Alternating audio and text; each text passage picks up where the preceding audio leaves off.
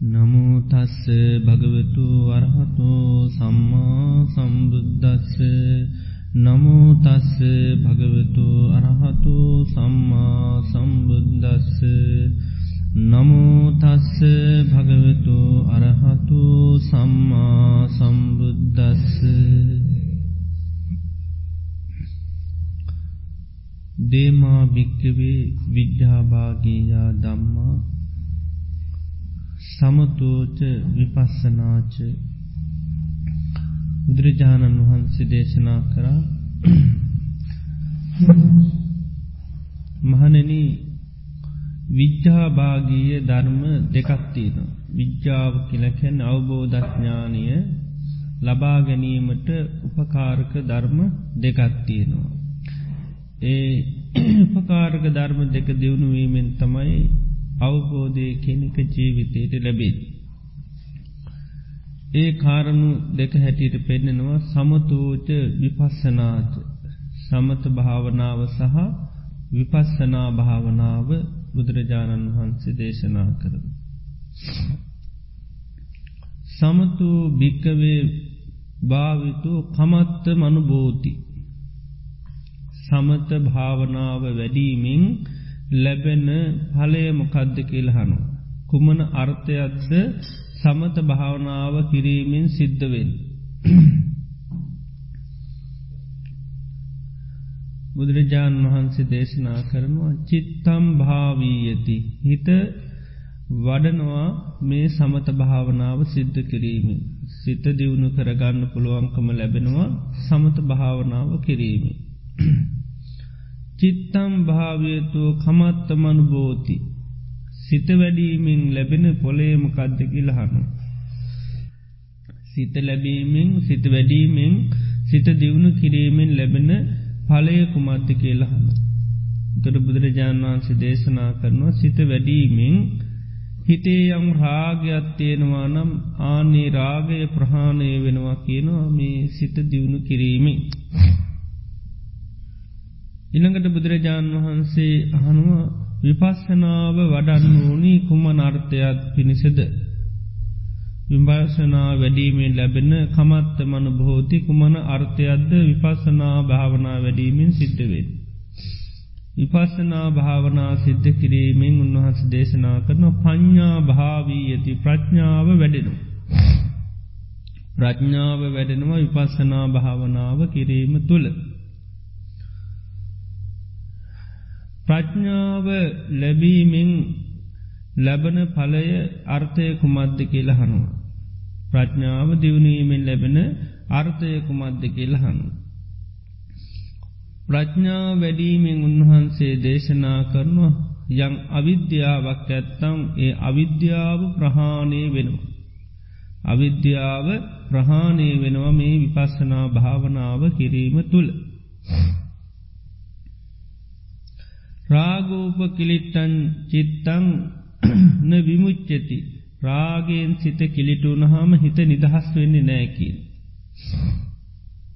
ඊළඟට අවිද්‍යූප කිලිට්ටම් පඤ්ඥාන භාවීයති හිත අවිද්‍යාවෙන් කිලිටි වෙලා තියෙනවා නම් අවිද්‍යහාමෙන් වැහිල තියෙනවා නම් හිත ප්‍රඥාව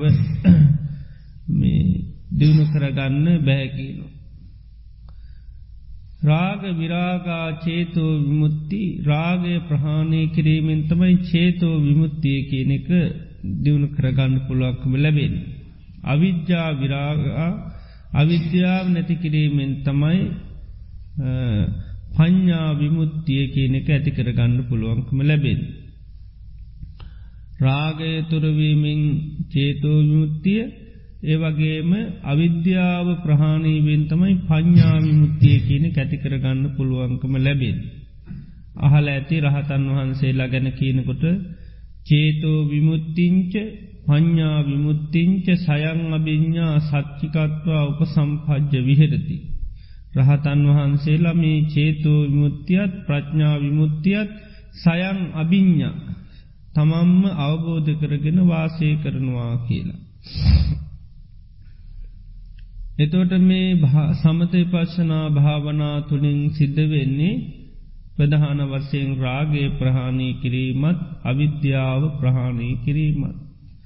සංසාරයේ ගැන කියනකොටත් කියන්නේ මේ සංසාරයේ දිගින්දිගට මේ සත්‍යයම් පැවතිගෙන එන්නේ අවිද්‍යා නීවරණානන් සත්තානං අවිද්‍යාවෙන් වැහිල.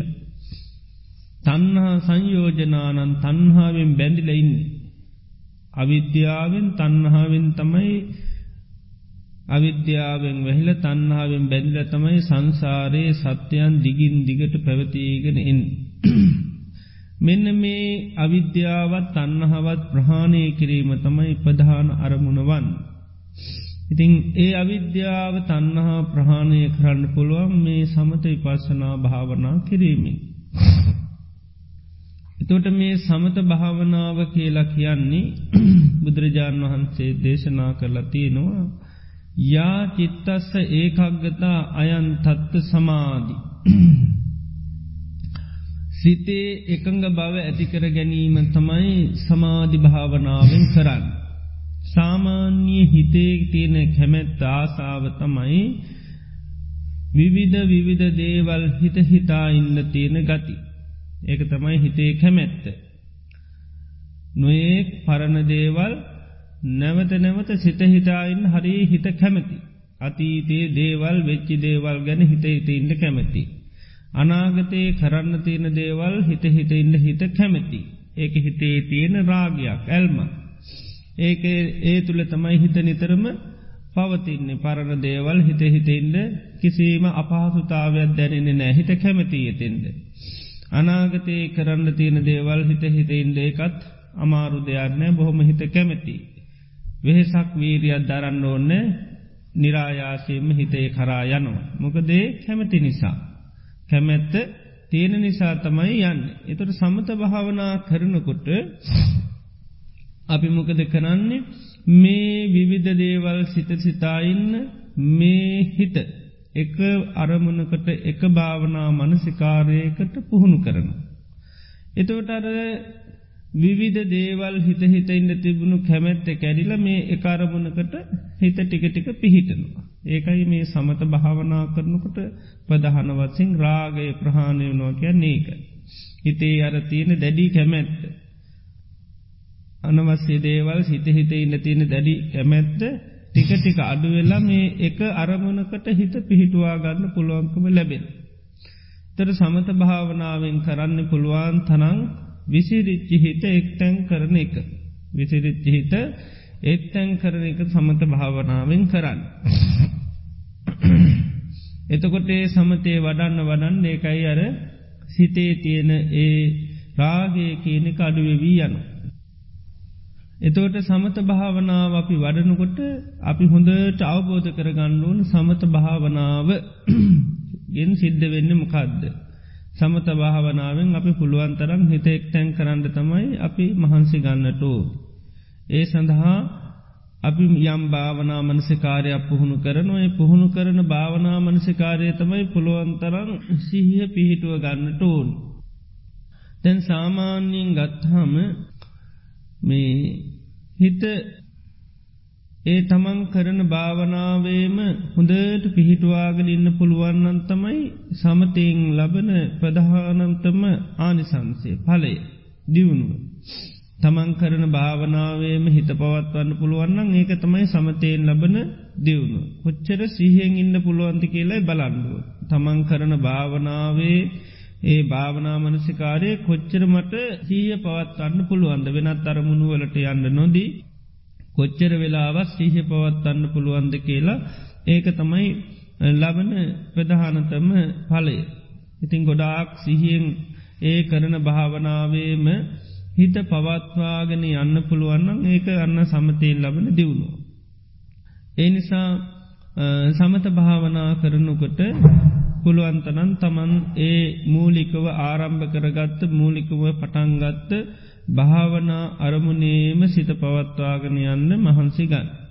ඒ සඳහාම හොඳට සිත පිහිටවාගෙනින්. ඉතිං ඒ විදිහට මේ සමත භාවනා කරනකොට කරන්න. තර විපස්සනා භාවනාවේදී බුදුරජාණන් වහන්ස මෙතන දේශනා කරන්නේ විපස්සනා වැඩීමෙන් සිද්ධ වෙන්නමකදද පඥ්ඥ ප්‍රඥා භාවීයතිකින ප්‍රඥාව වැඩෙනවා කියන. විපස්සනා භාවනාවෙන් සිද්ධ වෙන්නේ ප්‍රඥාව කියන එක තමයි දියුණු වෙන්නේ. ප්‍රඥාව දියුණුවීමෙන් අර හිතේ තියෙන අවිද්‍යාව කියන එක ප්‍රහාණය වෙලා යනු. දැන් සාමාන්‍ය ලෝක අපි පාලි භාෂාවෙන් ගත්තහම මේ පස්සනා කියන්න බලනවාට පස්සනා කියන්න බලනවා කියනකයි. දැන් අපිට ලෝක හැම දේවල් නිතරම පේනු. ඒ පේන දේවල් බලනවනං ඒක තමයි පස්සනා. එත විපස්සනා කියලා කියන්නේ පේන දේවල් වල තියෙන යථාර්ථය බලන්න මනස පුහුණු කරගන්න. ප්‍රඥාව අවධිමත් කරගන්නවා. ආන්නේක තම විපස්සනා භාවනාව කියලති කරන්න. අපිට සාමාන්‍යයේ දේවල් පේන්නේ ඇහැ මේ ඉන්ද්‍රියන් ඔස්සේ යමක් පේනකොට හැම දෙයක්ම පවතින දේවල් හැටියට නිත්‍ය දේවල් හැටියට පේනු. ඒ වගේම සැප දේවල් හැටියට පේනවා. ඒ වගේ මේ දේවල් මමේ මාගේ මට අයිති දේවල් හැටියට පේනු. ඒ වගේ මේවා බොහොම සුබ දේවල් හැටියට පේනු. ඒ සාමාන්‍යයෙන් අපිට පේන ස්වභාව. ඉති විපස්සනා භාවනාවෙන් කරන්නේ ඒ ඒ පේන දේවල් වල තියෙන ඇත්ත ස්වභාවේ දැන් අනිත්‍යයි නිත්‍යයි කියන එක ඒ පවතින දෙයක් නොවේ. අපිට පේන දේවල් වල නිත්‍යතාවේ පෙවුණට එහෙම පවතින නෑ හැම දෙයක්ම වෙනස් වෙනවා. ඒවගේම සැපක් හැටියට පෙවුණට ඒවගේ සැපක් නෙවේතිීන දුකා. ඒවගේම අපිට පාලනය කරන්න පුළුවන් දේවල් හැටියට පෙවුණට එහෙම පාලනය කරන්න පුළුවන් දේවල් ලෝක නැහැ. ඔක්කොම හේතු හට ගැනීමෙන් හටගෙන හේතු නැතිවීමෙන් නැතිවෙල යන දේවල් තියෙන්. ඉතින් මේ විදිහේ තත්ත්වයක් තිබුණට සංසාරය පුරාම බල්ල තියෙන්නේ අර යකා තත්ත්වය නෙවේ. ඇත්ත ස්වභාවේ නොවේ ඇත්ත ස්වභාවේ තමයි අනිත්‍යය ඇත්ත ස්වභාවේ තමයි දුක අත්ත ස්වභාවේ තමයි අනාත්. නමුත් සංසාරය දිහා පුරාම අපිට පෙනිල තියෙන්නේ නිත්‍ය දේවල් හැටියට. සැප දේවල් හැටියට. ආත්ම දේවල් අපිට පාලනය කරන්න පුළුවන් දේවල් හැටියට තමයි අපි බලලා තියෙන්නේ. දැමුත් පේන්නේ ඒ විදිහට. ඉතින් විපර්සනා භාවනාවේදී කරන්නේ අන්න අර අනිත්‍ය දේවල් අනිත්‍ය හැටියට ඒ වගේම දුක් උපදවන දේවල් දුකක් හැටියට තමාට පාලනය කරන්න බැරි දේවල් තමාට පාලනය කරන්න බැරි දේවල් හැටියට අවබෝධ කරගන්න අන්න හිතේ තියෙන ප්‍රඥාව උපදවා ගන්න. ඒකයි මේ පස්සනා භාවනාවෙන් පඤ්ඥා භාවීති ප්‍රඥාව දියුණු කරනවා කියන්න. එතර ප්‍රඥාව වැඩෙන්න්න වැඩෙන්න්න තමයි අන්න හිතේ තියෙන අවිද්‍යාව ප්‍රහාණය වෙනවා. අවිද්‍යා සහගත මනසක් තියෙන නිසා තමයි අර දුකක් ලෝකයේ පැවතුනාට දුක්කේ සුක සංඥී දුක පිළිබඳව සුක සංඥාව. අවිද්‍යාව කියලා කියන්නේ දුක්කේ අඥ්ඥානන් දුක පිළිබඳව නොදන්නාකමට තමයි අවිද්‍යාව කියල කියන්න.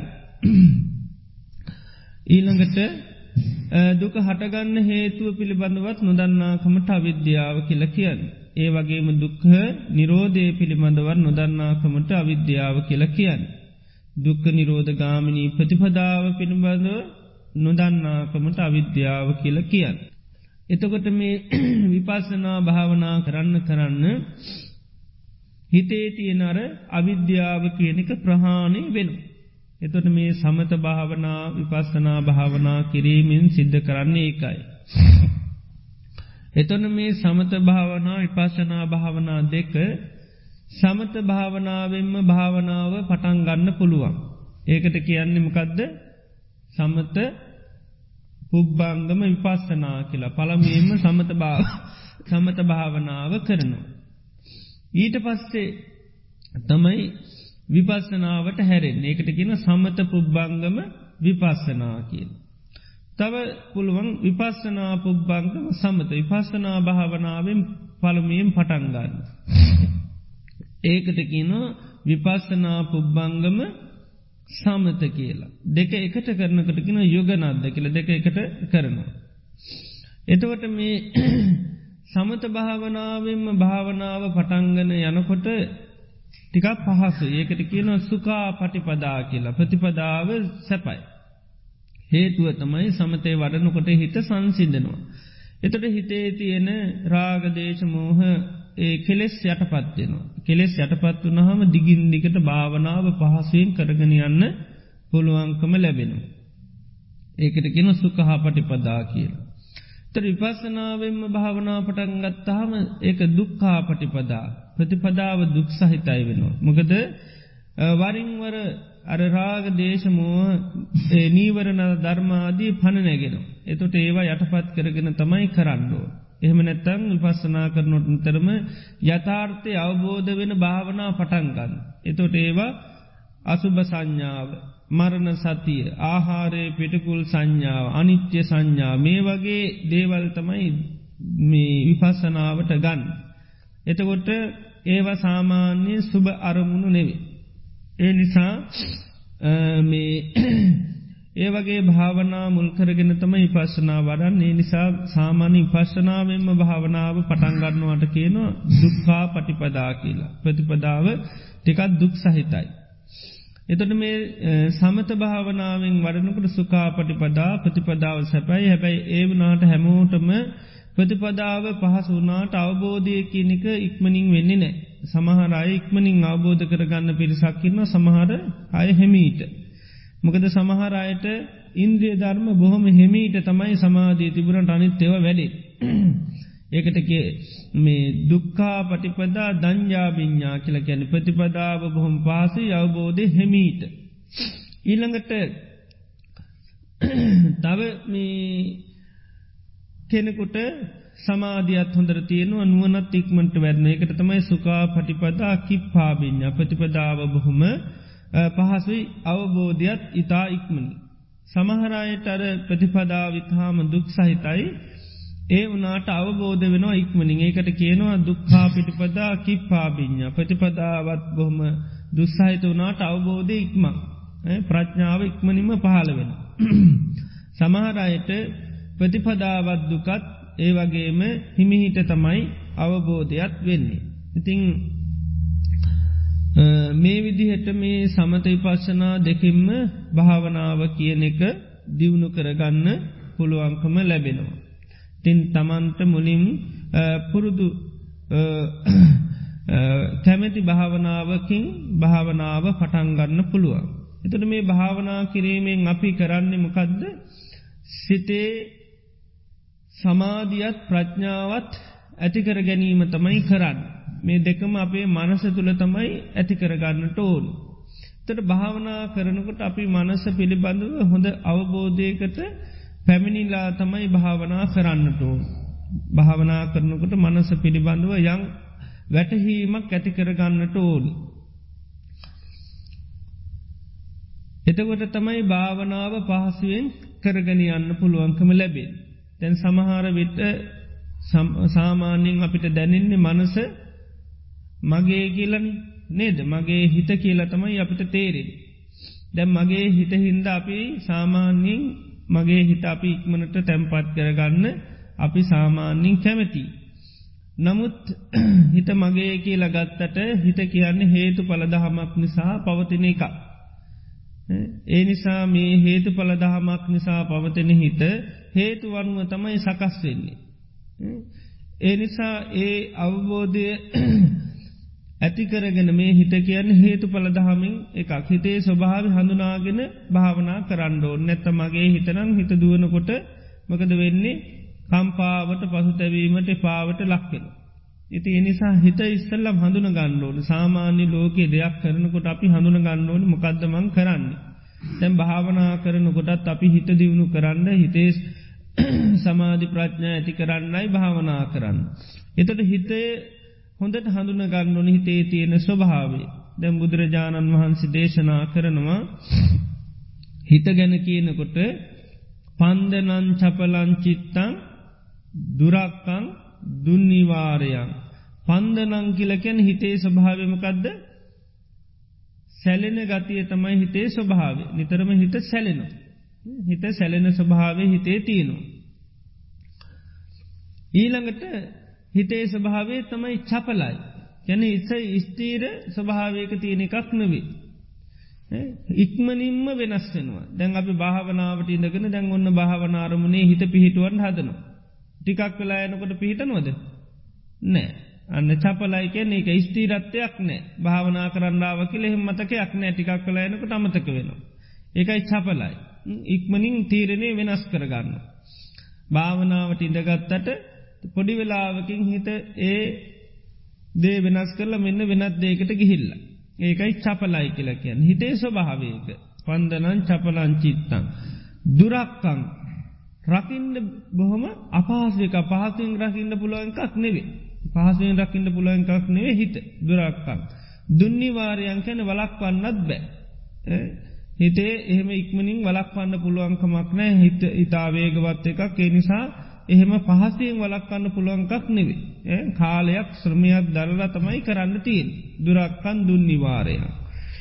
ඒවගේම බුදුරජාණන් වහන්සේ හිත ගැන තව පෙන්නනවා වාරිජෝව තලේකිත්තු ඕකමෝකත උබ්බතෝ පරිප්හන්දතින් චිත්තම් මාරදෙයම් පහාතවේ. මේ හිත හරියට ගොඩට දැම්ම මාළුවෙක් වගේ කියල්. මාළුවෙක් වතුර ඉන්නකොට පීන පීන පීන යනවා කිසි පස්්නයක් නෑ පස්්නයන්න පීන පීන යනවා. ද මාළුවා ගොඩට දැම්මුත්මකද වෙන්න.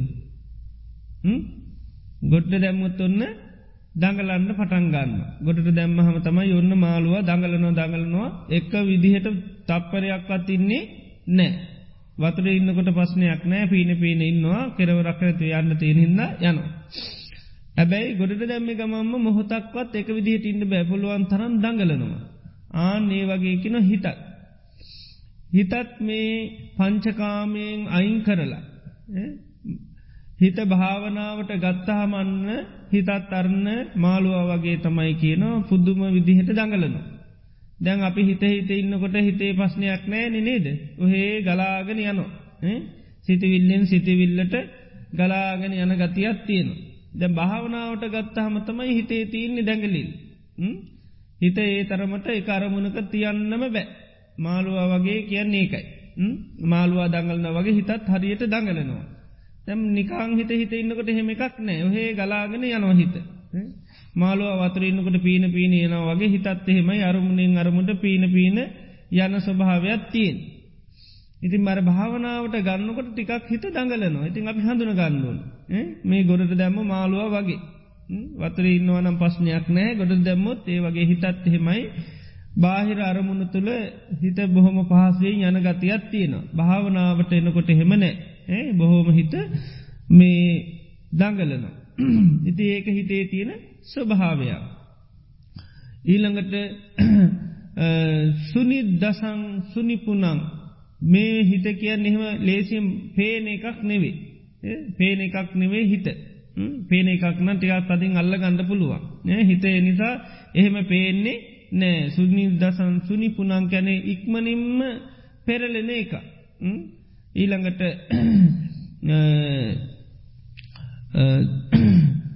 තවත් හිතේ ස්වභාවේතමයි දුන්නින් ගස්ස හිතට එහෙම ලේසි නිග්‍රහ කරන්න බැහැ කැන නිග්‍රහ කරා කියල එහෙම කලකිරෙන්නේ නෑ දැ හිත දුව නොහ නිග්‍රහ කරයි කියල එහෙම කලකිරෙන්නේ හිත.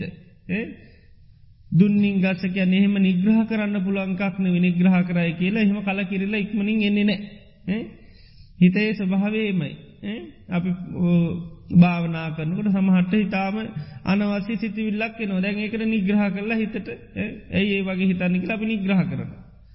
නිග්‍රහ කරල භාවනාට ගත්තා කියීමකු. ඒවනාට අර කරපු නිග්‍රහය වැඩි වෙලාවක් නෑ. ආය තර තැන්ටම ආය යන්න පුළුවන්. ඒකයි හිතේ ස්වභාවේ. ඒකයි දුන් නිගස්ස කියන්නේම නිග්‍රහ කරන්න පුළුවන්කා නෙවේ දේශ නිග්‍රහ කරයි කළෙහෙම කල කිරෙන්නේ නැහැ. දුන්නින් ගස ලහුණෝක නිතා ඉක්මනින් පෙරලෙනවා. යත්තකාම නිපාතිනු කැමති තැනට තමයි යන්නේ. දැන් සංසාරය පුරා කැමතිලති නොහේ දේවල් හිතන්. ඔහේ අතීතේ වෙච්චි දේවල් හිතන්ද යනාගතය කරන්න තියෙන දේවල් හිතන්ඩයි හිත හුරු වෙලතිීන්. ඉතින් ඒකට තමයි දැන් සාමාන්‍යෙන් හිත යන්නේ එකයි කැමති තැනට යන ඒකයි. යත්ත කාම නිපාතිනු ඒකයි කැමති තැනට තමයි හිත යන්නේ. ඊළඟට දූරංගමන් ඒකචන මේ හිත බොහෝ දුරගමන් යන එකක්. ඒ වගේම මේ හිතට බුදුරජාණන් වන්සේ දේශනා කරන ශරීරයක් නැතු යන්න පුළුව ශරීර නැතුව ශරීර මිත්‍ර තියද හිත යන්න පුළන් ඕන තැනක. අස් ශරීරං කියන්නේ එක ශරීරයක් ඕන්න හිතට. තනී යන්න පුළුව. ඊළඟට ඒක චරං කියන්නේ තනියෙන් හැසිරෙනවා. කවුරුත් වෙන ඕන නෑ හිතට. තනියෙන් ලෝක වටේ ගියයි ලෝක වටේ ගිල්ලෙන්ට පුළුව ඒ විදිහට තමයි හිතේ තියෙන ස්වභාව ඊළඟට මේ වගේ ස්වභාවයක් තමයි මේ හිතේ තියෙන්නේ. මේක මේ එක්කෙනෙක් වේ දෙන්නෙක් වේ තියෙන එකක් නෙවේ ලෝකයේ හිත් කියලයන් ආක් අයට තියෙනවනගේ හැම හිතකම මූලිකව තියෙන ස්වභාවයක්. ඉතිං එමුදු හිතක් තමයි ලෝකයේ නුව නැති අය විවිධ විදිහේ උපක්‍රම කරලා මේ හිත දියුණු කරන්න. ඊ තලයක් හදන වඩු බාසුන්න කෙනෙක් වර කී නොබුදුරන් වන්ස හිත හදන්න ඕනි. මේ ඊතලයක් හදන කෙනා හිමීට හිමීට හිමීට මීට එක පාට කරන එකක් නවේ රත් කර කර ටික ටික ඊතලේ නමන. ආන්නේ වගේ මේ හිතත් ඒ වගේ හදන්ඩ කියනු. ඊළඟට මේ ඉතාමත්ම උපක්‍රම සීලීව ටිකෙන් ටික තමයි හිත හදන්න තියෙන් එක පාට කරන්න පුළුවන් එකක් නොවේ. ඒ ඒ විදියට හිතේ ස්වභාවය හඳුනාගන භාවනාවේ යෙදෙනකොට බොහොම පහසුවෙන් කරගෙන යන්න පුළුවන්කම ලැබෙනවා. ඊළඟට හිතේ ස්වභාවේ තමයි පොඩි ළමයෙක් වගේ කියනවා. ගාමධාරකෝ විය ගම් දරුවෙක් වගේ තම හිත. දැම් පොඩි කෙනාගේ ස්වභාවය අපි පොඩි කෙනෙක් හදනකොට හඳුනාගෙනයි හදන්නේ. පොඩිළමයෙක් හදනවානං කෙනෙක් එයාගේ ස්වභාවය හඳුනගන්නවා. පොඩිළමයාගේ ප්‍රධාන ස්වභාවයමකදද. තේරෙන්නේ නෑ තේරෙන්නේ නෑ පොඩිළමයි. ඒවගේම එකකාරමුණක පොඩිළමයි නෙත් නෑ. එක දේක යොදවන්න පුළුවන්කමක් නෑ. ඒවගේම පොඩි අය මේ හොඳ දේවල් වල යොදවන්නත් බෑ. අනවස්්‍ය දේවල් කරන්න තමයි කැමැති. ඉතිේ පොඩිළමයාගේ තියෙන ස්වභාව ඉතින් පොඩිළමයි හදනකොට අපි හඳුනාගෙන හදන්න. පොඩිළමයි තේරෙනවා කියලා හැදුවොත්තේම පුළුවන් හදන්ද. හදන්න පුළුවන්කම නෑ පොඩිළමයි තේරෙනවා කියල හැදුවත්තේම හදන්න බැදවසක්වත් බැරිවෙන. එනිසා අපි පොඩිළමයි හදනකොට අපි දන්නවා තේරෙන්නේ නෑ. තේරෙන් නැති කෙනෙක් හැටින් හඳුනාගෙන තමයි අපි හදන්න. එතකොට අපි නිතරම පොඩිළමයි හදනකොට උපක්‍රම සීලී වෙනවා. උපක්‍රම ශීලීව තමයි පොඩිළමයි හදන්නේ. ඉතිං හිත හදන කොටත් උපක්‍රම ශීලී වෙන්නට ඕනි. උපක්‍රම ශීලීව තමයි අන්න හිත හදන්න පුළුවන්. පොඩිළමයි දැන් හොඳදේ එයයි කැමති නෑ නිදාගන්න කැමති නෑ සමට එය අත්‍යවශ්‍ය වනත් එයා නිදාගන්න කෑම අවශ්‍ය වනත් කන්න කැමති නෑ. ඉතින් අපි කරන්න උපක්‍රම ශීලී වෙනවා. කෑම කනකොට වට පිටාවට රැගිල්ලා කෑම කවනවා. එම නැත්තන් කතන්තර කිය කියා කෑම කවනවා. ඒ වගේම මේ මේ නිදාගන්න කොටත් එහෙමයි. නිදාගන්න කියලා අනකරොත්තෙම නිදාගන්නේ නෑ. ඉතින් උපක්‍රමයක් කල්ල තමයි නින්දට යවන්න. ඉතිං ආනේ වගේ තමයි හිතත් භාවනා කරනකොට උපක්‍රමශීලීව භාවනාවේ යොදවන්නට ඕනි. ඒකයි භාවනා කරනකොට ආනි සංස පෙන්න්න පෙන්න්න අන්න භාවනා ටිකටික කරන්නට ඕන්. ඒවගේ මනි පැත්තෙන් ගත්තහම හිත දැන් අර පොඩිළමය වගේ පොඩිළමේ අපි හදනකොට කම්පා වනාය සැලුනාය කියල පොඩිළමයි හැදෙන්නේ නෑ ඇඩුවයි කියල පොඩිළමයි හැදෙන්නෙත් නෑ. ඉතින් හිතත් එහෙම තමයි භාවනා කරනකොට මේ හිත පිට යනවා දුවනවා කියලා ඇඩුවයි කියලා කම්පාවනායක තර්ජනය කරයි කියලා හිත හැදෙන්නේ නැහැ. උපක්‍රම කරොත් තමයි හිත හදාගන්න පුළුවන්කම ලැබෙන්නේ. ඒ වගේම තමයි මේ හිත බුදුරජාණන් වහන්සේ මේගේ පෙන්න්න කුළු හරකෙක් වගේ පෙන්න්නන් දැන් හරකෙක් පාලනේ නිකන් ජීවත්වෙන්න පුළුවන්කමක් නෑ හරකෙකුට එනිසා නිතරම හරකෙකුට ගොපල්ලෙක් ඉන්නවා. හරක පාලනය කරන්න ගොපල්ලෙක් ඉන්නවා. ඒ ගොපල්ල තමයි හරකාව පාලනය කරන්නමකද හරකට තනියෙන් ජීවත්වෙන්න බෑ ස්වයිරීව ජීවත්වෙන්න බෑ. දැන් හරකෙක් නීර කැරයි යන ගොපල්ලා හරක කැරයි යනකොට හරකගේ ස්වභාවේ තමයි නීර යනකොට දෙපැත්තේ තියෙන ගොයමට හොම්බදා. ඉතිං ගොපල්ලමකද කරන්නේ කෙවිටක් කරන් ගහල මතක් කල දෙනවා ගොයන් කන්ද තහනං කියලා. ගොයන් කණ්ඩෝනිකන්නෙවේ තනකොල කනුවම සක්ක ගොන ගොයන් කන්න බෑ. නමුත් හරකා හිතන්න ගොයන් කෑවොත්තමයි හරි. ඉතින් ඒනි සාමකද කරන්න ගොපල්ලා මතක් කරලා දෙනුව එක වැරැද්දක් කියලා. නමුත් කෙවිටේ සැරතියනකං විතරයි ඒක මතක. ආයත් ටිකක් වෙලා යනකොට ආයත් හොම්බ දානු. ආයත් ගොපල්ලමකද කරන්නේ. ආයත් මතක් කරලා දෙනු. එතුරු ගොපල්ලගේ කාරී භාරයමකක්ද.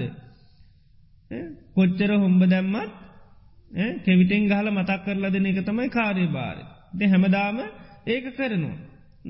සමාට මාසයක් දෙකක් කවුරුද්දත් දෙකක් ඇරංගියත් හැමදාම වරද කරන නමුත් ගොපල්ල එකට කම්පාවෙන්න සැලෙන්ඩ යන්නේ නෑ යාදන්න කොච්චර හොඹ දැම්මත් මම ගහලා අන්න මේ මතක් කරලා දෙනවා. ඉතිං භාවනා කරනකොටත් ඒ විදිහයි. භාවනා කරනකොටත් තනියෙන් හිතට භාවනා කරන්න බෑ. ආරශ්‍යකයෙක් ඕනි. ආරශ්‍යකයේ දාගන තමයි භාවනා කරන්න ඕන ඒක තමයි සිහිය. දැන් සාමාන්‍යීන් හිත භාවනා කරන්න ගියාට එකයි මතකනෑ. ටිකක් කලා එනකට ඕන්න පරණ දේවල් වලට ආය හිත දුවනු. එතවට මකක්ද කරන්න තියෙන්නේ. සීහිය පිහිටුවාගෙන ඒක ආදීනු පෙන්ල භාවනාවට ගණ්ඩුවන්. එතට හිතේ ස්වභාවේක ඉතින් අර ගොපල්ල දන්නවනේ හරකගේ ස්වභාවය තමයි නිතරම හොම්බදානක ගොයමට හිතත් එහෙම තමයි ඉතින් එක් අතීතයට හොම්බදානෝ නැත්තං අනාගතයට හොම්බදානෝ ඉතින් සීහෙන් පුළුවන් තරන් දානදානවාරයක් පාසා ගගහ ගණ්ඩයි තියෙන්. ඉතින් ගොපල් අර කම්පාවෙන්න සැලෙන්නේ නෑ දන්නවා මේ හරකට තේරෙන් නැති හින්දයි මං පිටි පස්ස ඉන්ඩුවන්. ඒවගේ තමයි භාවනා කරනකොටත් හිතට එහෙම අවබෝධයක් නෑ ඒකයි මේ වැරද්ද කරන්න. ඉතිේ නිසා සීහ පීටුවාගන ඒකයි කොච්චර ගියත් කමන්න යන්න මේ තමන්ට තියෙන්නේ ආයායි භාවනා අරමුණටම හිතගන්න. එතකොට තමයි කාලයක් යැනකොට හිත හුරු වෙනවා භාවනාවට. මොකද කම්පාවනාය සැලුනාය කියල හිත හදාගන්න පුළුවන්කමක් නැහැ. එහෙම හැදෙන්නේ නෑ. එතකොට මේ විදිහට හිතේ ස්වභාවය හඳුනාගෙන මේ සමත ඉපස්සනා වසයෙන් භාවනාව දියුණු කරන්න පුළුවන්කම ලැබෙනවා. සමත ඉපස්සනා වසයෙන් දියුණු කරන්න පුළුවන්කම ලැබෙනවා. එතොට සමත භාවනා කරනකොට අපි මොන සමත භාවනා අරමුණක් ගන්නට පුළුවන්. අපි ගත්තොත් එහෙම දැන් ආනාපාන සති භාවනාව කරනවා නම් ඒක සමත වසයෙන් වඩන්ඩ පුළුවන්. එතොට මේ ආනාපාන සති භාවනාව කායානු පස්සනාවට අයිති භාවනාව. එතොට බුදුරජාණන් වහන්සේ මේ සතිපට්ටාන සූත්‍රයේ දේශනා කරනවා භාවනාවක් කරනකොට කරුණු තුනක් මුල්කරගෙන තමයි භාවනා කරන්නට ඕන්. පලවිනි එක තමයි උන්වහස දේශනා කරනවා කායේ කායානු පස්සී විහරති. කයේ ස්වභාවේ බලමින් වාසය කරනවා. කොහොමද ආතාපි කෙලෙස් තවන වීරිය තියෙන්න්නට ඕනි. සම්පජානු හොඳ නුවන තියෙන්න්නට ඕනි. සතිමා සිහියෙන් වෙන්ඩෝනි. එතට භාවනා කරනකොට හොඳට මේ වීරියත් සීයත් නුවනත් කියන තුන උපයෝගි කරගෙන තමයි භාවනා කරන්නට ඕන්. එහෙම කොරොත් තමයි භාවනාව හරියට දිගින් දිගට කරගෙන යන්න පුළුවන්කම ලැබෙන්. ආතාපි කියන්න කෙලෙස් තවන වීරිය තියෙනට ඕනු. දැන් හිතේ ස්වභාවේ තමයි අර කැමති කැමති අරමුණු වලට යනක. ඉතින් ඒ භාවනාවට හිත රුචි නෑ. හිත කැමති සාමාන්‍ය දේවල් හිතන්න. ඒ නිසා තමයි අර ආතාපි කියන්නේ එක කෙලෙස් තවන වීරිය තියෙන්න්නට ඕන්. එතට මේ වීරිය ඇතිවෙන්නේ සාමාන්‍යයෙන් වටිනාකම දැක්කහම්. වටනාකම දැක්කහම තමයි වීරිය ඇතිවෙන්නේ. අර සතර සම්යපදම් වීරියතින් අකුසල් ගැන කියනකරන උපන්නානං අකුසලානන් දම්මානම් පහනාය උපන් අකුසල් ප්‍රහාණය කරන්න නම් තංජංජනීති කැමැත් ඇති වෙන්ඩෝනි කියනවා. කැමැත් ඇති වෙන්ඩෝනි අන්න උපං අකුසල් ප්‍රහාණය කරන්න. ඊළඟට කුසලයක් ගත්තත්තේමයි උපන්නානං කුසලානන් ධම්මානන් ටිති උපං කුසලේ පවත්වන්න දැන් භාවනාව කැන්නේ අපි උපදවා ගන්න දැන් කුසලයක් ඇබැයි තියාගන්න බෑ ටිටි කියන්න තියෙන්නේ අසම්මෝහකයන් අපිට අමතක වෙනවා. බියෝ භාවාය කියන්නේ එක වැඩි දියුණු වෙන්නේ නෑ. එහෙනම් උපංකුසලේ දිගි දෙකට තියාගන්නට නං අමතක නොවෙන්නට නම් චන්දය තියෙන්න්නට ඕන්. ආන ඒකයි භාවනා කරනකොට මුල් අවස්ථාවේදි හොඳට ආනි සංස දකිින්ඩෝන්. භාවනාවේ තින් ආනි සංස වටිනාකම හොඳට දකින්නට ඕනි. එතකොට හිත රුචි හිත රුචි රුචි වුණාම කරගන යන්න පුළුවන්. දැම් වීරිය නැතිවල මේ තීන මිද්දට පත්වෙන්නේ ඇයි රුචිය නැති වුණහම් රුචිය නැතිවුණහම තමයි තීන මිද්දට පත්වෙන්නේ හිත. ඉති ඒනිසා මේ භාවනාවේ වටිනාකම හොඳට සිහි කරන්න ඕනේ තොට හිතට කැමැති. එතොට කැමැති. ඒ නිසා භාවනා කරනට හොඳට වටිනාකම සිහිකර කර භාවනා කරන්න එතවට තීන මිද්දට හිත පත්වෙන්නේ මකද හිතට බොහොම අර වටිනාකම සිහිකරනකොට පොඩි කැමැත්තක් ඇතිවෙන. වීරිය ඇතිවෙන. ඒවගේ මානි සංසදාකනකොට සිහියත් ඇතිවෙනවා. වීරිය සීහ නුවන ඔක්කොම ඇතිවෙනවා රාණි සංස සලකනකොට. දැන් යමක වටිනාකම සලකනකොට තම ඒක වටිනාකම තේරෙන්. වටිනාකම සල්ලකරනකොට තම ඒක මතක හිටින්. ඉතින් ඒ නිසා භාවනා කරනකොට ආන සංස පොඩ්ඩක් සිහි කර කර කරන්නට ඕනි. එතකොට තමයි ටික ටික ටික අර හිතේ දුවන ගතිය නැතිකර ගන්න පුළුවන්කම ලැබෙන්නේ. නැත්තං හිතට ඉට දුන්නොත්මකද වෙන්න එක්කො හිත කාමච්චන්දය කරා යන එම නැත්තම් ව්‍යාපාදය කරා යන එහම නැත්තන් තීන මිද්ද කරා යනවා එහෙම නැත්තං උද්දච්ච කුක්කුච්චේට පත්න හිත විසිරෙනවා. විවිධ දේවල් හිත හිත හිත ඊට පස්සෙ කම්පාවට පත්වෙනවා තැවෙනවා. තැවෙන්ඩ තැවෙන්ට තව තවත් හිත විසිරිලා යන. එහෙම නැත්තම් විචිකිච්චාවට පත්වෙන අනේමං කරන භාවනාව හරිය දන්නේ හරියට කෙරෙනවාද දන්නෙත් නෑ මට කැලපෙන කමටහනත් දන්නෙත් නෑ කියලා සැක ඇති වෙනවා. සැක ඇති වෙනකොට හිත දියුණු වෙන්නේ නෑ. ඉතින් ඒ නිසා භාවනා කරනකොට මේ හොඳට සීහ පීටවාගෙන අට භාවනාවේති ආනිසංස හොඳට හිතන්නට ඕන. ආනිසංස හොඳට හිතල තමයි භාවනාව පටන්ගන්නට ඕනි. ඒ අරමං උදෙත් කියපු ආකාරයට ඉස්සරලාම භාවනා කරනකොට ඉන්න ඉරියව්වට හොඳට සිහ පීටෝ කරන්න. දැම්මම් මේ ඉඳගෙන ඉන්න කියල හොඳට සිහි කරනු. හොඳට සිහි කරලා ඊට පස්සේ දැම්මම් මේ ඉඳගත්ත භාවනාවට කියලා ඉඳගෙන සීකරන දැම්මම් මේ ඉඳගත්ත භාවනා කරන්න නැතන් අමතකෙනවා ටිකක් වෙලා යනකොට. ඊට පස්සේ භාවනාවති නාන සංසහිතන මේ භාවනා කිරීමෙන් මට බොහෝම සිතක් වෙනවා සාන්තියක් සැනසිල්ලක් ඇතිවෙනවා ජීවිතයේ තියෙන දුක්පීඩා නැත්වෙලා ජීවිතයට පුදුම සිතක් සාන්තියක් ඇතිවෙනවා තමන්ට වැටහෙන විදියට භාවනාව ආන සංස හොඳට හිතට දැනෙන විදියට සී කරන්නු. ඒ කරලා ඒ නිසා මම හොඳ සිහියෙන් හොඳ කල්පනාවෙන් භාවනා කරනවා කියලා මේ භාවනාවේ හිත පිහිටුවා ගන්නට ඕන්. ඒ භාවනාවේ හිත පිහිටවා ගත්තහම මේ තමයි අන්න මේ ටික ටික කරන්න පුළුවන්කම ලැබෙනවා ඊට පස්සේ හොඳට සීහ පිහිටුවා ගන මම හොඳ සීහෙන් කල්පනාවෙන් මේ භාවනාව කරනවා කියලා ආනාපාන සති වඩනවානම් හොඳට ආස්වාස් පාස්වාසය පිළිබඳු සහ පීටුවගන්න. දැන් ආස්වාස පාස්වාස කරනකොට ගොඩාක් හිතන්න දෙයක් නැමකද මේ හැම්වෙලේම හුස්ම ඇතුල්ලෙනවා පිටවෙනු. අමුතුවෙන් කරන්න මුකුත් නෑ. අපිට තියෙන්නේ ඇතුල්වෙන පිටවෙන හුස්ම පිළිබඳු සිහෙන් ඉන්න විතර. ඒක හැම්වෙලේම උපන්දා හින්න වෙන දෙයක්. ඒ අමුතුවෙන් කරන්න දෙයක් නෑ අපිට තියෙන සිහියෙන් ඉන්ඩයි. බුදුරජාන් වන්සිකැන සෝ සතුව අස්ස සති සතුව පස්ස සති හෙතම සීහ ඇතුව හුස්ම ගන්නවා සී ඇතුව හුස්ම හෙලෙනවා. එතකොට සී ඇතු හුස්ම ගන්න කොටත් සී ඇතු හුස්ම හෙලන කොටත් හිත ටික ටික හිතමකද වෙන්න තැම්පත්වෙනවා. ඉති එනිසා මූලික පීවර වසයෙන් කරන්න තියෙන හුස්ම ඇතුල්ලෙනකට ඇතුල්ලෙනවා කියල හොඳට සී කරන. පිට වෙනකොට සීපීට වෙනවා කියලා සිහි කරන. එතොට සමත වසයෙන් කරනකොට අපිට තියෙන්නේ හුස්ම පිළිබඳවට සිහියෙන් ඉන්. එතොට කාලයක් හොඳට කරන්න කරන්න කරන්නමක දෙන්න අර හොඳට හුස්ම ඇතුල්ලනට ඇතුල්ලෙනවා පිට වෙනකොට පිටවෙනවා කියල සිහි කරන්න පුළුවන්. එතොට හිතේ ඒ සිහි කිරීම කාලයක් කරනයනු නිරායාසයෙන් වෙනවා. උත්සාහයෙන් තොරුව කරන්න එත ඒකර තමයි විතක්ක කියලා කියන්න. විතක් කියල කියන්න ඒකයි හිත ඒ අරමුණේම පවත්වන්න පුළුවන් විදියට හිත හැසිරෙන. හිත පවතින ඒ අරමුණම සීකහුස් මැතුල්ලනට ඇතුල්ලෙනවා පිට වෙනකොට පිට වෙනවා ඒ විදියට පුළුව විතක්ක. විචාරකයන්නේ වෙනත් බාහිර තැනක හිත යන්නේ නෑ. ඒකෙම හිත පවතිනවා. ඊට පස්සේ හිත දැම් පිට යන්න ඇතිවෙනකොටමකද වෙන ප්‍රීති ඇතිවෙන. ප්‍රීති විතක්ක විචාර පීති.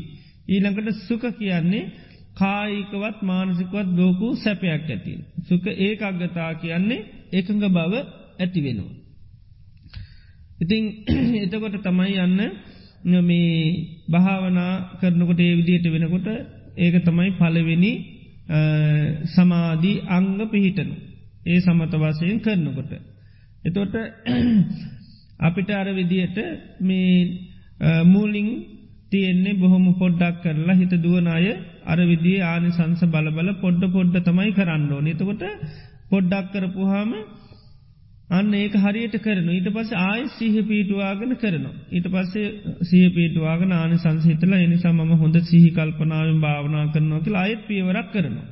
එක ආයත් අර විදිට සහ පීට එතොට තමයි මේන නැත්තන් මොකද වෙන්න ගොඩාත් තීන මින්දෙට හිම නැත්තං වෙනත් අරමුණුවලට හිත විසිල්ලයන් උද්දච්චයට හිත පත්වෙනවා එම නැත්තං කාමච්චන්දයට පත්වෙන ව්‍යාපාදයට පත්වෙනවා අර විදිිය කරනකට යන්න විදිහක් නෑ හිතට.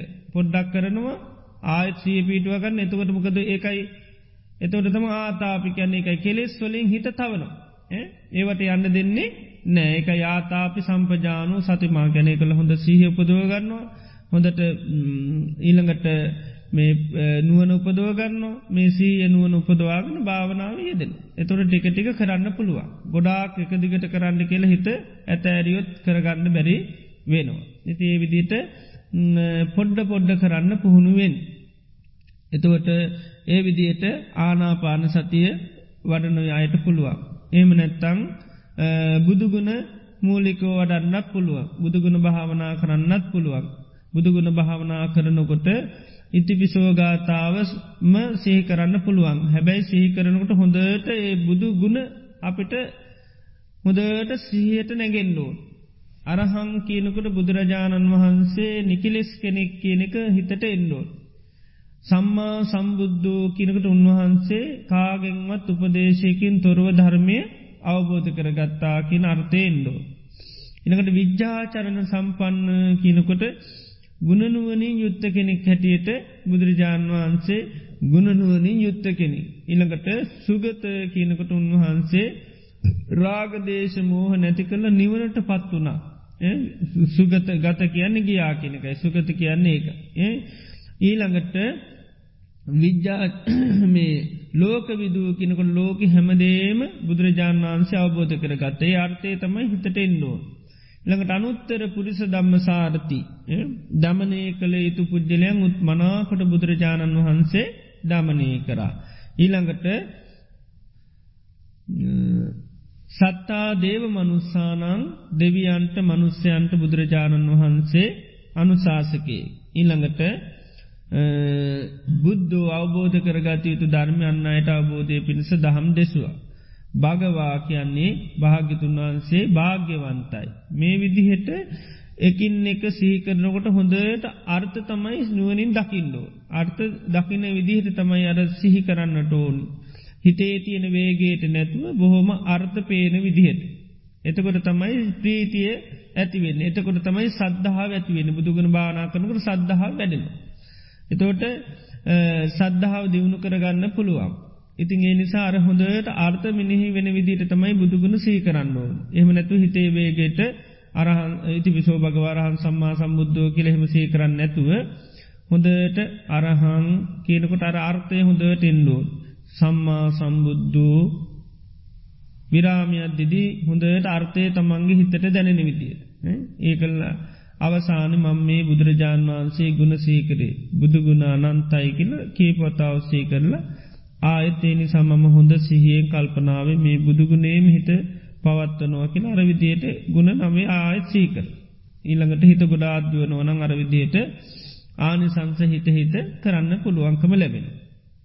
ඒ විදිහට බුදුගුණ භාවනාව දියුණු කරන්නත් පුළුවන්. ඊළඟට ඒවා සමත භාවනාවට අයිති කොටස් මෛත්‍රී වඩන්නත් පුළුවන්. ඊළඟට විපස්සනා භාවනා වසයෙන් වඩනවා නම් විපස්සනා භාවනා ගොඩාත් තියෙන විපස්සනා භාවනාවෙන් කරන්නමකක්ද ප්‍රඥාව දියුණු කරගන්නන නේද දැැකිව ප්‍රඥාව දියුණු වෙනවා විපස්සනා භාවනා කිරීමි. එතකොට විපස්සනා භාවනා කරනකොට ඉස්කන්ද ධාතු ආයතන පටිච සම්පාද ධර්ම තමයි නුවනින් විමසල බලක්. දැ මේ ජීවිතය අපිට එකක් හැටියට පේනො නිතරම පවතින දෙයක් හැටියට පේන එකතම නිත්‍ය දේවල් හැටියට පේන මේක සැපක් හැටියටමයි පේන මේක මමේ මාගේ මටයිතිී කියන දෙයක් හැටියට පේනි පසනා භාවනා කරන ගොටර අනිත්‍ය දුක් අනාත්ම අවබෝධ වෙන්නයි කරන්න. එතකොට මේ හේතු පල දහම වසයෙන් බලනවා. මේ ජීවිත හේතු නිසා හටගත්ත දෙයක් හැටියට බලන්න පුළුවන්. එම නැත්තම් පංචුපාදානස්කන්දේම අනිත්‍ය දුක්කනාත්ම වැටහෙන විදියට භාවනා කරන්න පුළුවන්. එතොට තියෙන්නේ ඒකේ අර ආදීනුව පැත්ත මෙනෙහි කරන්න. රූපේ අවබෝධ කරගන්න රූපේ ආදීනුව සී කරන්නට ඕනි. ඒකයි අනිත්‍ය සංඥාවේදීහෙම පෙන්නන්නේ රූපං අනිච්චං වේදනානිච්චා සංඥානිච්චා සංකාරා අනිච්චා විඤ්ඥානං අනිච්චං ඉතිමේසු පංචුපාදානස්කන්දේසු අනිච්චානු පස්සේ විහෙරති අයං උච්චතානන්ද අනිච්ච සංඥ අනිච්ච සංඥාවරණ කෙනා අර පංචුපාදානස්කන්දය පිළිබඳ යං අවබෝධයක් තියෙන්නුන් රූපය කියන්න මොකක්ද වේදනාව කියන්න මොකක්ද. ඒවගේ දන්න කෙනෙකුට පුළුවන්කම ලැබෙනවා. එතුර එයා භාවනා කරනකොට යර විදියටම සහ පීටවාගෙන රූපය කියනකොට මේ සත්‍ර මහාධාතුන් හටගත්තු රූපයේ මනසට අරමුණු කර ගණ්ඩුවන්. අනිත්‍යයේ කියල සේකරනකොට මේක වෙනස් වෙන දෙයක් කියන අර්ථය හිතට ඇතිකර ගණ්ඩෝන්. හිතේ විදියට පහාම දියුණු කරන්න පුළඟායාය මුල ඉඳලාම එතොට මේ රූපේ ආදීනව තමයි බලන්න. ආදීන තමයි රූපය වෙනස්ටලයන. ඉතේ විදියට විපස්සනා කරන්න කරන්නන්න රූපය නිත්‍යයයි කියන අදහස නැත්වෙන. ඒවගේම රූපය සැපයිනම් සැපයිකින අදහස නැතිවෙලාන. එතොට අනිත්‍ය දුක්කනාත්ම වැටහෙනු. ඒ විදියට අනිත්‍ය සංඥා වඩන්න පුළුවන්. ඊළඟට දැඟානාපාන සතිය වඩනායටම විපස්සනාවට හැරෙන්න්න පුළුවන්. ඒ තමයි දැන් සතිපට්ටානති නොන තමන්ගේ ආස්වාස් පාස්වාස පිළිබඳව බලන අනුන්ගේ බලන ඊට පස්සේ තමන්ගේ අනුන්ගේ දෙගොල්ලොගෙම බලන. ඊට පස්සෙ කියනො සමුදය දම්මානු පස්සීවා කායස්මින් විහෙරති. සමුදේ දම්මානු පස්සීවා කියන්නේ කයේ හට ගැනීම බලමින් වාසය කරනවා ඒ තමයි අන්න විපස්සනාවට හැරේ. දැම් මේ කය නිත්‍ය දෙයක් හැටියට ඒවගේම මේ සැපක් හැටියට මමේ මාගේ මට අයිති දෙයක් හැටියට තමයි අපිට මතකේ තියෙන සිහතියෙන් නිතරම මගේ කය කියන එක තමයි තියෙන් ඊළඟට මේක පවතින දෙයක් හැටියටමයි පේන්නේ වෙනස් වෙන දෙයක් හැටියට පේන්නේ නෑ. ඒවගේ මේක සකස්වෙච්චි දෙයක් හැටිට පේන්නේ නෑ හැදිච්චි දෙයක් හැටිට පේන්නේ නෑ දැන් ඒකයි ආශවාස පාශවාස සහ පේටුවක් නීට පස්සේ එතන හොඳට හිත තැම්පත් වනාට පස්සේ හොඳට සහ පේටුව ගන්න මේ ආශ්වාස පාස්වාස සහිත කය. දැම් මොකක් නිසාද හටගත්නී කියල විමසන. ඒ විමසනකොට බුදුරන් වන්ස දේශනා කරන්න මේ කය කියන්නේ ආහාර සමුදය ආහාර හට ගැනීමෙන් තමයි කය හටගන්න. ආහාර හට ගැනීමෙන් මේ කය හටගන්නේ. ආහාර කියත්ති නොද. ආහාර හතරත් තියනවා. මොකදද කබලින්කා ආර පස්ස මනු සංචේතන විඤ්ඥාන. කබලින්කාරආහාර පස්ස ආහාර මනුව සංචේතන විඤ්ඥානකල ආහාර හතරත්තියනවා. මේ ආහාර හතර නිසා තමයි කය පවතින්. ඉතිං ආනඒක අවබෝධ කරගන්න අන්න පුළුවන්කම ලැබෙනවා මේ ආහාර නිසා තමයි මේ කය හටගත්තේ කියල සීකරනකොට. එතට කාලයක් පුරුදු කරන්න කරන්න කරන්නමකද වෙන්නේ හොඳට සිහිය පීට නොමකද මේ කය කියන්නේ හේතු නිසා පවතින එකක් කියනක. හේතු නිසා කැන ආහාර පැවතුනොත්තමයි කය පවතින්නේ. ආහාර හටගත්තොත්තමයි කය හටගන්නේ. දැන් අපිට එකක් හැටිරන පේන්නේ. නමුත් මේ භාවනා කරනක දන්න මේ ආහාර පැවතුනොත්තමයි පවතින්. දැන් අපේ අයට කනබොන ආහාර නැතුනොත් එම කාය පවතිනොද. නෑන නේද. කනාහාර නැති කරන. එතට මගේ එකයි කියල පවතින්නේ නේද. මගේ එකයි කියලා කෑම නැතුව පවත්තන්න බෑ. කෑම කෑවොත්තමයි කය පවතින්නේ. ඒකයි කබලින් කාහාර ආහාරය නිසාතමයි කය පවතින්. ඊළඟට පස් ආහාරය කැන ස්පර්ශ වෙන්ඩෝනි කයට යමත් දැනගන්නද මගේ කයි කියල දැනෙන්නේ. යමක් ස්පර්ශ නොත්තමයි දැනෙන්නේ. ඊළඟට මනෝ සංචේතන කෙන චේතනා පහල වෙන්න නි කාය කියාත්මක වෙන්න දැන් අත් පාවසවන්න චේතනා පහල වෙන්න. චේතනා පහල වෙන්න ඇත්තම් අත්පා කියාත්ම කරන්නත් බෑ.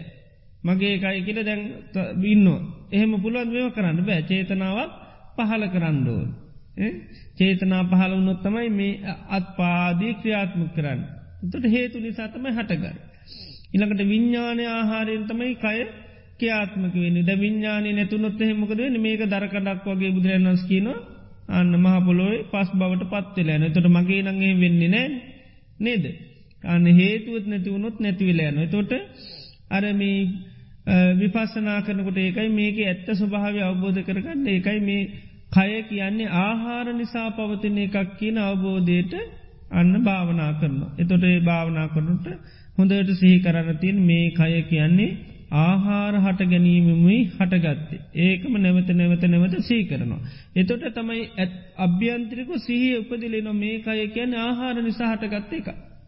ඊළඟට වයදම්මානු පස්සීවා කායස්මින් විහරති මේක නැතිවීම පැත්ත බලනවා.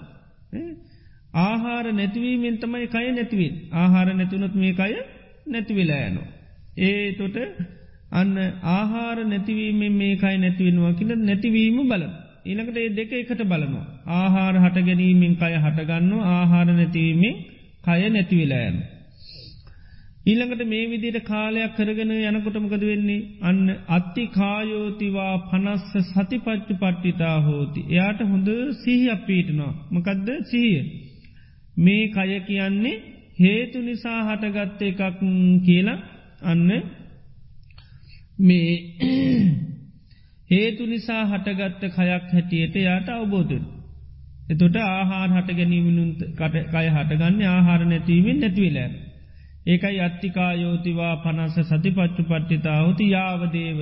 තව තවත් ඥානමත්තායි නුවන වැඩීම පිණිස පතිස්සතිමත්තාය සිහි වැඩීම පිණිස. අනිස්සිතෝච විහෙරති.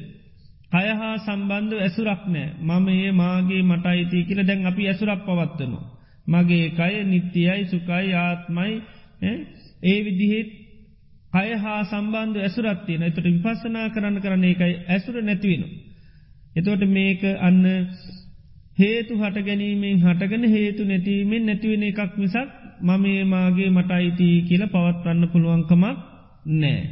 ඉතිං අන්න ඒ විදිහට මේ මේ විපස්සනාවට භාවනාවසයෙන් කරන්න පුළුවන්. ඉතිං ඒ විදිහෙට මේ සමත විපස්සනා භාවනාවසින් දියුණු කරොත්තමයි ජීවිතය අවබෝධ කරගන්න පුළුවන්කම ලැබෙන්නේ.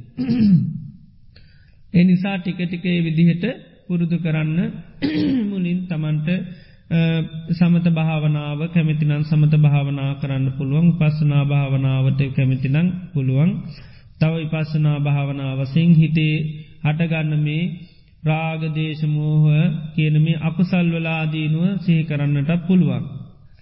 ඒත් ඉඳගන ඉඳගෙන අපේ හිතේ යම් යං අවස්ථාවල්ද මේ කෙලෙස් හටගන්න හොඳට සහ පීටවාගෙන මේ හිතේ රාගේ හටගන්නම නැතුන් දේශය හටගන්නවා. මේ දේශය කියන මට යහපත පිණිස හේතුවෙනවාද අනුන්ට යහපත පිණිස හේතුවන දේවිතියට මේ ඒවගේම දේශය තුළින් මට නුවන වැඩෙනවාද. මේ දේශය දියුණු කිරීම මට දුගට පත්වනය විදිට ඒක තින ආදීනෝ සීකරන්න පුළුවන්. ඒ ආදීනු සීකරන් සීකරන්නත් අන්න දේශය කියන්නේ දුකක් හැටියට අවබෝධගන්න කරගන්න පුළුවන්කම ලැබෙනවා දැන් දේශය අපිට දුකක් හැටියට නොහැටනින්ද තමයි අපි පාවිච්චි කරන්න කෙලෙස්. ඉතින් ඒ විදියට බැලුවහම අන්න අවබෝධ කරගන්න පුළුවන්කම ලැබෙනවා.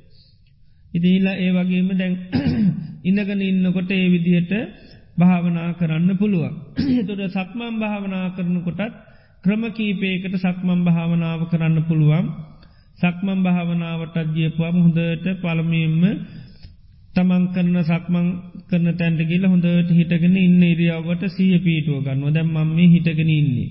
දැම්මම් මේ සක්මන් භාවනාව කරන්නයි සූදානම. ඉතිේ නිසාම මේ සක්මන් භාවනාවේදී හොඳ සීකල්පනාවෙන් සක්මං කරනවා කියල ඉරියාව පිළිබඳව සක්මන් භාවනා කරන්න පුළුවන් හොඳට තමන්ගේ පියවරට සීහ පිහිටුවාගෙන පය ඔසවනකොට ඔසවනවා කියලා සීකරන යවනකොට යවනවා තබනකොට තබනවා කියලා අර පියවරට හොඳට සීය තබාගෙන සක්මං කරන්න පුළුවන්. ඒ විදියට සක්මම් භාවනාව කරලා තොට කෙරවට ගියම් පස නතර වෙනවා නතර වෙලා ආයත් හොඳ සිය පිල්ල දැන් අතරල ඉන්න බවසේක ඊට පස හැරෙනවා හැරෙන කොටත් සේ කරන ආයත් හිටගෙන ආයත් හොඳට සීහ පිටවාගෙන මේ සක්මම් භාවනාය දෙන්න පුළුව. තොට මෛත්‍රී වගේ කරන කෙනෙකුට මෛත්‍රී භාවනා වඩමින් පුළුවන්. අනිත්‍ය සංඥාවඩනායට හොඳට පියවරතයමින් අරවිදියට රූපය අනිත්‍යයි කියලා සීකරමින් පුළුවන්. එතොට හොඳට මනසට යොමු කරගෙන මේ රූපය කැන වෙනස් වෙනවා කියන සීහපදව ගණ්ඩ යෝන් ඒ විදියට වඩන්න පුළුවන්. ඉතින් ඒ විදිහට මේ සක්මම් භාවනාව කරනකොට මේ තමන්ට කැමිති විදියට පුරුදු පුහුණු කරගන්න පුළුවන් දැඟෙනම් සක්මම් භාවනාව කරන්නයි තියෙන්නේ අදරම් ගොඩාක්කායට නින්ද ගිය බණහනකොට. නේද? බණහනකොට තියක් ඇස් සැරගෙන බරහන්න එතකොට හරි. කියනෙදයා එතකොට නින්දයෑම අඩු කරගන්න පුළුවන්. නැත්තං ඇස්පියාගත්තහම නින්දයනවා එතේ නිසා භාවනා කරනකොට අරකැන අට්ටිකත්වා මනසිකත්වා සබ්බංචේතුතෝ සමන්නා හෙරිත්වා ඕහිත සෝතෝ දම්මන් සුනාත්. අට්ටිකත්වා කියන්නේ හොඳට කියන දේ පිළිබඳු අර්ථමිනෙහි කරමි. ඊළඟට මනසිකත්වා හිතේ මනසිකාර කරමින් මුළු කනම යොමු කරාගෙන මේ බණ අහන්ඩ කියනතුකොට අන්න තීන මිද්දේට එන්න තියෙන අවස්ථාව අඩුවෙන. නැත්තං අපි ඇත්පියාගත්තාම ටිකක් වෙලා යනකොට මේ යොමු වෙන්නේ නෑ. ඉතිේ නිසා අපි සාමාන්‍ය කතා කරනකොට කටත් ආයගන්න බලානින්නවා නනේද. ඒ වගේ භාවනා මේ බණහනකොටත් හොඳට කරන දේශනය පිළිබඳව කටායගෙන අහගනින් ඩෝල් එතකට තමයි අන්න හිතට යන්නේ. ඉතින් ඒ නිසා මේ බා බනහනකොට මේ ගොඩක් ඒ පැත්තට යොමුයල කරන්න නැත්තං සමාට ඇස්පියා ගත්තාම නින්ද යන ගතියක් එනෝ. ඉතින් ඒ නිසා දැන්හෙනම් කවුරුත් සක්මම් භාවනා කරන්න අරවිදියට සක්මනට ගිහිල්ලා හොඳට සීය පීටවාගෙන දැන් නැගින්න තැන ඉඳලා හොඳට දැම් මම හැම ඉරියව්ව හොඳ සීයෙන් කරන්න. එතොට ඒ වගේම නිතර සීකරන්න දැම්මම් මේ මොකද්ද කරන්න කියන එක නිතරම් බල දැම්මම් මොකක්ද මේ කරන්න. එතකොට ඔන්න තමන් ඉඳගෙන ඉන්නවාන ඉඳගෙන ඉන්නවා කියලා දැනගන්න පුළුව. එතොට ඒ නිසා හැම්වෙලේම නිතරම තමන්ගේ විමසල බලන්න දැම්මම් මේ මොකක්ද කරන්න. මොකක්ද කරන්න කියල විමසල බලා. එතොට ඉඳගෙන ඉන්නවාන ඉඳගෙන ඉන්නවා කියලා සීවෙනවා කතා කරනවාන කතා කරනවා කියලා තේරෙනවා. ඒ නිසා හැම මොහොතේම පුළුවන්තරන් විමසල බලක්. පත්වේශා කරල බලන්න මම මේ මොකක්ද කරන්න.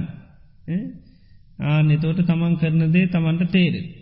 ආන එතකොට මේ ඒදේ ඊට පස්සේ අන්න නුවන උපදව ගන්න ඒ නිසා මම දැම් මේ වෙලාවෙ මේ දේ කරන්න මම හොඳ සිහියෙන් කල්පනාව මේ දේ කරන මේ දේ කරන වෙලායි මගේ හිතට කිසිම ආකාර කෙලෙස් ගතියක් එන්න නොදී. මම හොඳ කල්පනාකාරීව මේ දේවල් කරනවා කියලා අන්න මෙ කරගෙන යන්න පුළුවන්. ඒ නිසා හැම මොහොතේම හොඳට සේ කරන්න මම මේ මොහොතේ මොකද්ද කරන්න. නිතරම විමස විමස බලන්න මම මේ මොහොතේ මොකද්ද කරන්න කියල. එතොට තමන් කරන දේ පේත් කරන දේ දැනගන්න පුළුව.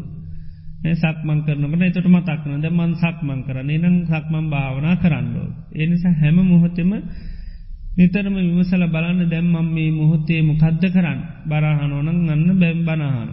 තොට එනිසා හොඳට මම මේ බනටි කහනවා. ඒ විදිහට නිතරම විමසල බලන්න මං මේ මොහොතේ මොකද්ද කරන්න. නිතර විමසනකොට අන්න සීහ උපදුවගන්න පුළුවන්කම ලැබෙන. ඒකයි පත්වේච්චාව නිතරම කරන්නකි නොන් එතේ නිසා පත්වේශා කරල බලන්න මං මේ මොහොතේ මොකද්ද කරන්න. එතකොට අන්න ඉඳගෙන ඉන්නවා අනං ඉඳගෙන ඉන්නවා ඉඳක ඉඳගෙන ඉන්නමකොටද නතෝට තමන්ට සීකරපුාව සීයපුදෝ ගන්න පුළුව. ඉති නිසා නිතරම මම මේ මොහොතේ මොකද්ද කරන්න. අන්න සීපදව ගන්න පුළන්නේ තොර තමයි මම මේ භාවන මධ්‍යස්ථානක ඉන්නේ. නේද? නැත්තං අමතකෙනවන වැඩෝක්ක මතඇල්ලායි භාවනා කරන්න. නේද? කොච්චර සටනත් දීල දාවේ නේද? සෑන සටනත් දී ලැවිල්ල ඉන්නේ. නේද? තොට ඒව මතක්කෙනවා දැන් ගෙතර කොච්චර ඕනකමත් නේද? සෑහන සටනත් දීලනේ ඇවිල්ලතින් නේද? ගොඩ දේවල් සංවිධානය කරලා ස්මාසගාන සැලසුම් කරලා ඉතින් එතෝට ඒ ආපු අර්ථය එතවට තම මතක හිටින් නැත්තන් මේ අමතක වෙනවා. හිතේ ස්වභාවේ ඒකයි නිතර මතක් කර ගණ්ඩෝඩි හිතේ නිසා සහි කරන්න මං මේ මොහොතේ මොකක්ද කරන්න කියෙන නිතරම සේ කරන්න එතොට තමයි සීහිය පිහිටන් අහවල්දේ කරන්නේ එතවට ටික ටික ටික කරගන යන්න පුළුව. තේ නිසා මං මේ අද ගත කරන ජීවිතයම කඩ එතොට තම මේ ඔන්න මේ වේවර්ණියම්මි අබ්ජු මං මේ දැන් ලස්සන ජීවිතය අතඇල්ල මේ විවරණ භාවයට පත්වෙලා. සාමාන්‍ය ලස්සනයි කියන දේවල් අත ඇල්ලවෙන. ඉළඟට පරපටි බද්ධාමේ ජීක දැම්ම මේ අනුන්ගෙන් ජීවත්තෙන් දැවිල්ල. ඉළඟට මේ අන්‍යෝ මේ ආකප්ප මං ගෙදර තිබුණු ආකල්පනෙවී දැන් දියුණු කරන්න ඕනි ආර්යන් වහන්සේලාගේ ආකල්ප තමයි දියුණු කරන්න ඕන. ආ නතවට ටික ටික ටික ඒව පිළිබඳ සිහිය උපදින්. තේනිසා නිතරම මේ විමසා බලන්න මං මේ මොහොත්තේ මොකක්ද කරන්න කියලා. එතකොට නිරර්ථ දෙයක් නම් එතකොට මතක් වෙන. එත හිත හුරු වෙන එතොට විමසන්න කාලයක් කනකොට ටික ටික විමසනවා නිතරම හැම්වෙලේම තමම් මොකක්ද කරන්න කියලා බලන්න සිහිපීටන. එතවට තමයි යන්න ගච්චන්තෝවා ගච්චාමීති පජානාති යනකොට යනෝ කියලා දැනගන්න පුළුව ඒ ඔක්කෝම ටික ටික එතකොට පුළුව මකද සීයෙන් ඉන්න ඉස්සල සීහ පුදෝගන්න පැනේද නැත්තන් සීහෙන් ඉන්ඩ ඕනි වනාට සිහිය නැතිනවා. සීහෙන් ඉන්ද. ඒකයි තියන්නේ. ඒ නිසා නිතර විමසා බලන්න මං මේ මොහොතේ මොකද්ද කරන්න කියලා. එනම් හොඳයි කවුරු සක්මන් භාවනා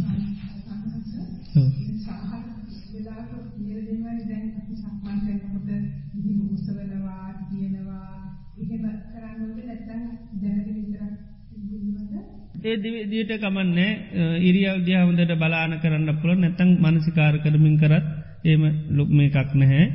මේ ඔසවනකොට හොඳට ඒරියව්වට සීය පීටවාගෙන යමනකොට තබනකොට ඒ විදිීට කරන්නක් පුළුවන්. ඒම නැත්තන් දැන් විපසනා භාවනක් කරන කෙනෙකොට දෑපික පංචපාදානස් කන්දය ආදීනු බලනොන ඒක බලමින්ම කරන්න පුළොම් සක්මම් භාවනාව. මෙම ඒක අනිවාරෙන් කය මේ පාලනි කරගෙන තමයි සක්කැන බොහම හෙමීට තමයි කරන්නඩෝ. භාවනා කරනකොට සාමාන්‍යින් පාවන මනසකාරය කනකට හිතත්තේ මයිට හිත නිතර වේගවත් ඉතිේ නිසා මොනහර සේ කරන ඕන වේගෙන් සී කරන්න හොඳන. ඊළඟට කයබවත්තන කොටත් ඒවේ කයි නිතරම හිතේ වේගේ නිසා කයත් වේගවත්වන එකත් තිය නිතේ නිසා සක්මන් කරනකට බෝම හිමීට තමයි ඉරියවතියමි කරන්නඩෝ. එතේතොට මනස අර වගේ වෙන තමන් කරන භාවනාක පවත්තන්න පුළුව. දෙම මෛත්‍රීහම කියැන තිට්ටන් චරන්නි සින්නෝවා සයානෝවා යාවතස්ස විගත මිද්දු ඒතන් සතින් අදිට්ටේය කියලා.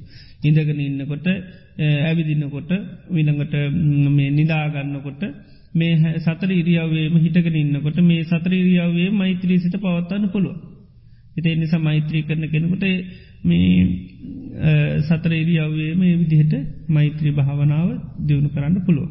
ඇම්වෙලේම මේ අර සිහිය උපදුවන දැන් බලන්පුල ම මේ මොහොතම කදදම් ම මෛත්‍රී කරන තු ටායි අන්න මෛත්‍රී භාවටාවේ හිත පීටවාට කන සතරීරියාවම බුදුගුණ වන්නවන් සතරීරියාවම පුළුවන්. ආනාපාන සතිය වරණකට තමයි අර සක්මනේදී අමාරු. එතෝටේ අය ඉරියාව හිත පිහිටවාගෙන මේ සක්මම් භාවනාවේ ය දෙන්න පුළුවන්.